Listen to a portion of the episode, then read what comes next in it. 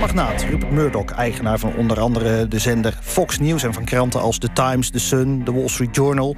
die vindt dat Facebook moet gaan betalen voor nieuws. En is dat nou terecht of niet? Daar praat ik over met internetdeskundige Krijn Schuurman... en met twee journalisten, media-expert en uitgever Jules Paradijs... en Marijn Henfling van Linda Nieuws. Allen, goedemiddag. Hallo. Goedemiddag. Krijn, ik begin bij jou. Waarom wil uh, Rupert Murdoch dat uh, Facebook gaat betalen? Nou, Facebook heeft onlangs aangekondigd dat ze eigenlijk uh, het onderdeel van nieuwsberichten in je timeline, dus je ziet berichtjes van je vrienden, van je sociale netwerk, vermengd met allerlei nieuwsberichten. Ze willen die nieuwsberichten terugdringen, mede vanwege de discussie over nepnieuws. Dat neemt natuurlijk een enorme vlucht, een artikel vaak. Dus ze zeggen eigenlijk het moet weer meer een vriendennetwerk worden. En het nieuws dat we nog tonen, dat moet betrouwbaar nieuws zijn. En willen de gebruikers ook vragen om nieuwsbronnen te beoordelen... zodat we alleen nog heel betrouwbaar nieuws hebben. Nou, en dan zegt Murdoch, oké, als jij graag betrouwbaar nieuws op je platform wil... dan moet je daarvoor betalen. Dat is eigenlijk de kortste samenvatting van zijn redenering. Want kwaliteit, daar dient gewoon een prijs voor betaald te worden. Ja, en hij zegt uh, blijkbaar uh, vind jij het waardevol om dat op je platform te hebben. Je verdient er ook geld aan. Je is dan uh, Mark Zuckerberg van Facebook. Nou ja, als jij dat waardevol vindt, dan, moet, je daar, ja, dan moet je er ook voor betalen. Jules Paradijs, begrijpt u Murdoch? Is dit een, een duidelijke oproep? Nou, het is natuurlijk, uh, in principe is het een uh, goed plan. Uh, alleen onuitvoerbaar. Want wat je ziet is dat de grote uitgevers, ook in Nederland...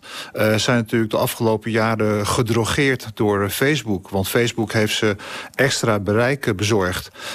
zelfs betalen ze daar zelf voor. En wat Murdoch beweert is logisch, maar uh, onuitvoerbaar. En bovendien, hij zit niet aan de knoppen van Facebook. En Facebook biedt ook voordelen, hè, want het levert natuurlijk uiteindelijk extra inkomsten op. En ook voor nieuwkomers in de mediamarkt, die hebben daar straks die hebben een, een mooi platform. Dus de wereld is anders en het is een beetje oud en traditioneel denken van deze man. Maar bedoel, het is wel een slimme man, dus hij doet het niet voor niks.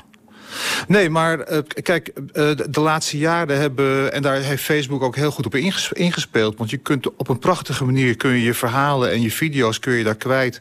en je kunt zelfs daar de extra inkomsten genereren. Uh, dus de uitgevers zijn daar verslaafd aan geraakt. maar ja, je ziet dat het eigen platform van grote mediamerken... daardoor minder interessant wordt en is geworden... omdat de, het publiek blijft op Facebook hangen. Dus, dus zij bepalen wat er gebeurt. Maar uh, Jules, jij bent zelf ook uitgever. Kan je die verslaving even uitleggen van de uitgevers aan Facebook? Nou, als je kijkt naar de grote nieuwsmerken in Nederland, uh, schat ik in. Als ik, uh, ik kan het ook vergelijken met de, met de, met de sites die wij als, als trusted media in de lucht hebben.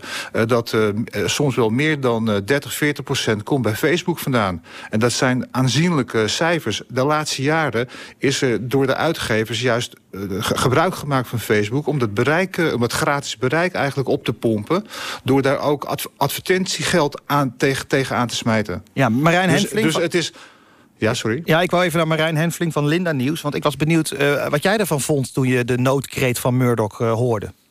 Nou, ik ben het eigenlijk wel eens met meneer Paradijs. Het is een uh, knap het idee. En ik uh, ergens ook wel een soort van sympathiek om dat te willen. Maar totaal onuitvoerbaar. Het is een beetje zoals uh, de platenindustrie de piraterij probeert te bestrijden. Dat, die strijd ga je niet winnen. Je kan, dat gaat niet werken.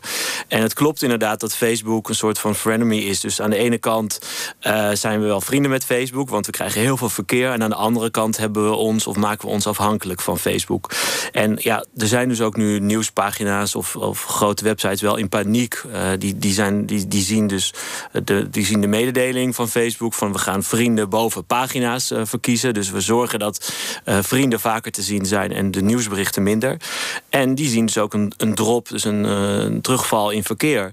En dat is inderdaad wel wat meneer Paradijs ook zei. Dat is een beetje verslaafd zijn geworden aan, aan Facebook. Ja, en hoe, hoe belangrijk is, is, is Facebook voor Linda Nieuws? Nou, het grappige is, wij zijn heel erg groot geworden op de golven van Facebook. Want wij zijn misschien wel een van die nieuwe partijen. We hebben een grotere Facebookpagina dan de oude werkgever van, dan, van meneer Paradijs. Dus we zijn groter dan de Telegraaf. Niet in rijk, maar wel op Facebook. En dat komt omdat we daar slim op ingespeeld hebben. Maar we hebben ook wel bedacht van ja, dat is leuk, maar dat is niet blijvend. Want dit zag je natuurlijk aankomen dat Facebook dat gaat doen. En Facebook heeft ons eerst verslaafd gemaakt. En we willen daar niet straks ook nog eens voor gaan betalen om datzelfde bereik in stand te houden. Maar Jules, wat wil je zeggen? nou kijk, je, je, je ziet bij de oude mediabedrijven natuurlijk een strijd tussen uh, betaald bereik uh, binnenhalen of, of gratis. Ja. En ik denk dat als je het goed wilt doen in de toekomst, dat je vooral uit moet gaan van je eigen kracht en terug moet naar je eigen platform en daar het verdienmodel aan koppelen. En dat is in Nederland heel ingewikkeld, omdat we zijn een klein land met een, klein taalgebied. Maar dat is de enige weg. Ja, ik denk dat, maar wacht, wat, wat, ik ook wel interessant vind, men wil de macht van Facebook breken. En als iemand dat kan, uh, Krijn, dat moet dat toch Murdoch zijn? Want het is een, een, een groot concern wat hij heeft. Hij heeft Fox News, hij heeft kranten. Het Zeker. is ongelooflijk ironisch genoeg stond vanochtend een stuk in het NRC over Murdoch... dat zijn macht misschien wat te groot wordt in de media... en hij heeft nu ook geen toestemming gekregen om Fox over te nemen. Dus hij weet wel wat het is om veel macht te hebben. Maar het is denk ik wel goed om uh, helder te maken... hoewel het net al wel gezegd is. Het is enerzijds een, een, een vijand Facebook... maar hij is heel bewust opgezocht. Dus wat ook wel gezegd wordt, Linda Nieuws, meer dan een half miljoen volgers. De meeste mensen die het vraagt, die komen daar omdat ze het op Facebook hebben gezien. En Murdoch haalt de analogie aan met de kabelbedrijven. Dus dat is inderdaad eventjes geleden. Die zegt, een kabelbedrijf kan geen klanten krijgen als daar niet mooie content op is. Maar dat systeem staat ook op omvallen. Dus die man leeft toch wel een beetje in het verleden, vind ik. Dat is, dat is precies mijn punt. Dus dat gaat nu niet meer op. Maar het gaat erom, wie heeft wie het hardste nodig. En bij die kabelbedrijven en televisiezenders is dat evident. Maar hier is het de vraag. er wordt gesuggereerd dat Facebook die media nodig heeft. Maar ik denk dat het andersom veel groter is. Dat is niet waar. Nou ja, het gekke is dat, of het grappige is... dat Murdoch dat eerder ook met Google heeft geroepen. En dat, die, daar had hij ook last van. Maar tegelijkertijd krijgt hij ook heel veel verkeer van Google. Wij zien nu bijvoorbeeld dat Google uh, in verkeer... dat het verkeer wat we via Google krijgen... dus dat mensen iets gaan zoeken en dan bij ons terechtkomen... toeneemt. En ja, dan kun je wel met Google gevechten gaan. Maar je kan ook denken, maak er slim gebruik van. En zorg dat je artikelen goed te vinden zijn. Nog steeds, ga uit van je eigen kracht. En maak een. Uh, dat, dat begint bij wat je biedt. Het gaat bij goede verhalen brengen die passen bij jouw identiteit. Kijk, als je, dat, als je daarmee begint, um, dan is het gewoon. De volgende stap is dat je slim moet inspelen op nieuwe technologische ontwikkelingen. Maar begin bij de verhalen. En sta je niet blind op één platform. Ja, Jules Paradijs, uh, u bent natuurlijk ook oud-hoofdredacteur van de Telegraaf. Uh, kranten en nieuwsites, zien die ook wel in dat Facebook ook... Uh, dat je kan profiteren van Facebook door goede content? Ja, natuurlijk. Al, dat, dat, is ook de, wat er de afgelopen jaren is uh, gebeurd. Uh, maar tegelijkertijd zie je daar ook sentimenten. Luister bijvoorbeeld ook naar de eigenaar van de persgroep, meneer Van Tillo... die uh, ook gruwelt eigenlijk van de Googles en de Facebooken... omdat 75% van het advertentiegeld gaat daar, gaat daar inmiddels naartoe. En, en bovendien groeien ze ook door de, door de content... die ook nog eens een keertje door diezelfde uitgevers wordt gemaakt. Maar het is niet terug te draaien. Tenzij je er zo van overtuigd bent... dat jouw content zo verschrikkelijk goed is, kwalitatief goed... en dat mensen daar ook voor willen betalen... Mhm. dat, je, dat je een hele goede strategie voert... waarbij je, waarbij je je eigen kanalen centraal stelt... en je niet afhankelijk maakt, zoals Linda in, in dit geval, uh, van Facebook. Tegelijkertijd, als je het hebt over de democratisering van de media... is het natuurlijk wel heel goed dat een nieuwkomer als Linda... en ook kleinere uh, digitale journalistieke platformen... dat ze toegang krijgen tot een groot publiek. Dus er is ook een, er is ook een voordeel aan. Maar ja, voor de grote bestaande merken niet. Marijn? Nou ja, het is niet helemaal zo dat we ons afhankelijk maken. Dat vind ik wat te sterk uitgedrukt. Ik, ik zei net dat wij toen we begonnen, vier jaar geleden... Uh, zijn we groot geworden op de golven van Facebook, zou je kunnen zeggen.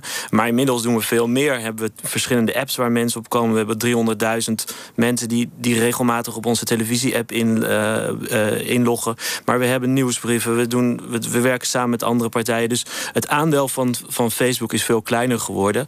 maar we hebben wel een kickstart gehad, dat geef ik toe. Maar Uh, wat ik ook interessant vind... is uh, John de Mol heeft er al voor gewaarschuwd. En ook Julia Rijksman, gisteren in haar nieuwjaarstoespraak. Zij is de baas van de NPO, de baas van ons allemaal.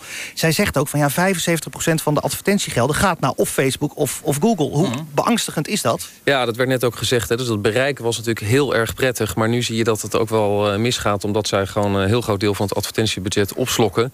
er is gesuggereerd, en dat begint ook wel op gang te komen... dat ze, dat wordt nu ook in Davos bij het World Economic Forum gezegd dat er toch iets gedaan moet worden aan die macht. Bijvoorbeeld door het betalen van belasting in de landen waar je actief bent. Want het klinkt natuurlijk heel mooi, zo'n vrij internet. En ik denk dat we dat ook absoluut moeten beschermen. Maar in dit geval is vrijheid van overal kunnen... Uh, ja, dat advertentiebudget kunnen opslokken en mensen afhankelijk maken. Uh, daar zitten keerzijdes aan. Het is denk ik ingewikkeld, maar vanuit NPO snap ik wel dat ze zeggen... nou, dat belastinggeld, daar hebben wij ook iets aan... want daar maken wij uiteindelijk die content van. Uh, de, in Frankrijk is het bij mijn weten al aangenomen. Dus in die zin zou dat in ieder geval iets schelen. Maar we hebben het wel over miljoenen, dus het, is niet, het zijn kleine bedragen. Dat ze misschien nog wel verder mogen gaan... want het zijn inmiddels een soort van nutsbedragen techbedrijven geworden, Google. En dus moet je dat ook gewoon heel goed controleren. En, en de EU heeft natuurlijk al, al grote boetes opgelegd. En dat, dat lijkt me ook logisch. en inderdaad, er moet uh, belasting betaald worden in het, in het land waar geld verdiend wordt. Maar kijk, de, kijk, er is één element wat we niet moeten vergeten. Uh, dat als het gaat om de financiering van onafhankelijke journalistiek... en ik denk dat Murdoch uh, daar ook op heeft gewezen... dat die ook in de toekomst betaalbaar moet blijven. dus als je sites in de lucht brengt... die op basis van aggregatie van nieuws en verhalen en content... dan, dan is dat het natuurlijk niet. Wat je wil is dat er onafhankelijk onderzoek kan worden gedaan... en dat dat niet alleen door de belastingbetaler wordt, wordt betaald... maar ook door onafhankelijke mediabedrijven. Ja, die moeten dus heel goed opletten... Uh, dat, het niet, dat er niet verder eigenlijk alleen maar uh, uh, ja, ik wil niet, niet, zeggen fake nieuws... maar eigenlijk gemakkelijk nieuws uh, mm -hmm. wordt, wordt geproduceerd. Dat scoort. maar waar, waar je waar je eigenlijk niet op zit te wachten. Maar, maar Jules Paradijs, het is toch, we hebben het nu over Facebook... maar het is toch eigenlijk al van uh, alle tijden. Ik bedoel, als ik naar De Wereldrijd Door kijk of naar Jinek... of ook als ik kijk naar onszelf, de Nieuwsbv... wij halen ook heel veel uh, uh, interessante weetjes uit de krant... en ook heel veel ideeën uit de krant. Dat doen ja, we al jaren. Het is ook heel, het is ook heel belangrijk. En ik, dat uh, goede journalisten bij de, de, Telegraaf, bij het AD, bij de NRC... die dus betaald worden, niet vanuit de, niet vanuit de belastingpot... Uh, maar door, eigenlijk door de achterban... dat die mensen hun werk kunnen blijven doen. En dat wordt steeds ingewikkelder. Kijk maar naar de aantal journalisten bij redacties. Dat loopt zeer sterk terug. Op provinciaal en gemeenteniveau blijft er helemaal niets meer van over. Dus, dus tegelijk, langs deze discussie die we nu hebben... speelt ook van hoe betalen we eigenlijk nog journalisten. En, uh, en Murdoch heeft daar natuurlijk ook een belang bij... als je kijkt naar de Wall Street Journal... waar gewoon hele sterke redacties zitten. Dus en, en, en, in Nederland, ons taalgebied is klein. Het is heel ingewikkeld om een, een financiële uh, site bijvoorbeeld... of om een andere uh, uh, digitaal kanaal... om dat, om dat rendabel te, te krijgen. Ja. Kijk maar naar bijvoorbeeld nu.nl of naar de andere. Ik ken de cijfers. Zelfs die zijn niet rendabel? Nou, het is, dat is knokken. En je moet elke euro moet je binnen zien te krijgen. Ook door uh, branded content uh, te brengen. Uh, om uiteindelijk zeg maar die journalisten te kunnen blijven maar betalen. Ik denk dat je straks twee dingen krijgt. Dat heb je natuurlijk al. Je hebt echt massamedia die toch vooral betaald worden door adverteerders. Door branded content. En je hebt een aantal kwaliteits niche media. Die zoals de correspondent. Nou ja, de New York Times. Het is natuurlijk een hele grote markt in Amerika. Maar daar betalen mensen voor. Maar mensen gaan pas betalen als je echt mooie dingen maakt. Ja, Krijn. Ik vond het mooi dat je zei van er wordt zelfs in Davos over gesproken bij het World Economic Forum. Moeten ja. we daar de oplossing van verwachten? Van, van het breken van de macht van Facebook? Nou, ik denk niet dat er meteen een oplossing komt, maar dat geadresseerd wordt. Dat woord is nu helemaal niet gevallen data. En daar draait natuurlijk ook voor een heel groot deel om. Dat, ze, dat die techgiganten zoveel data hebben dat ze dat misschien wel weer ter beschikking zouden moeten gaan stellen aan andere partijen om daar ook iets mee te doen. Dat zit een beetje in dezelfde lijn uh, van denken.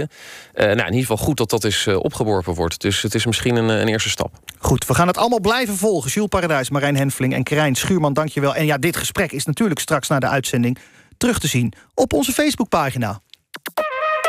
De Nieuwsbv.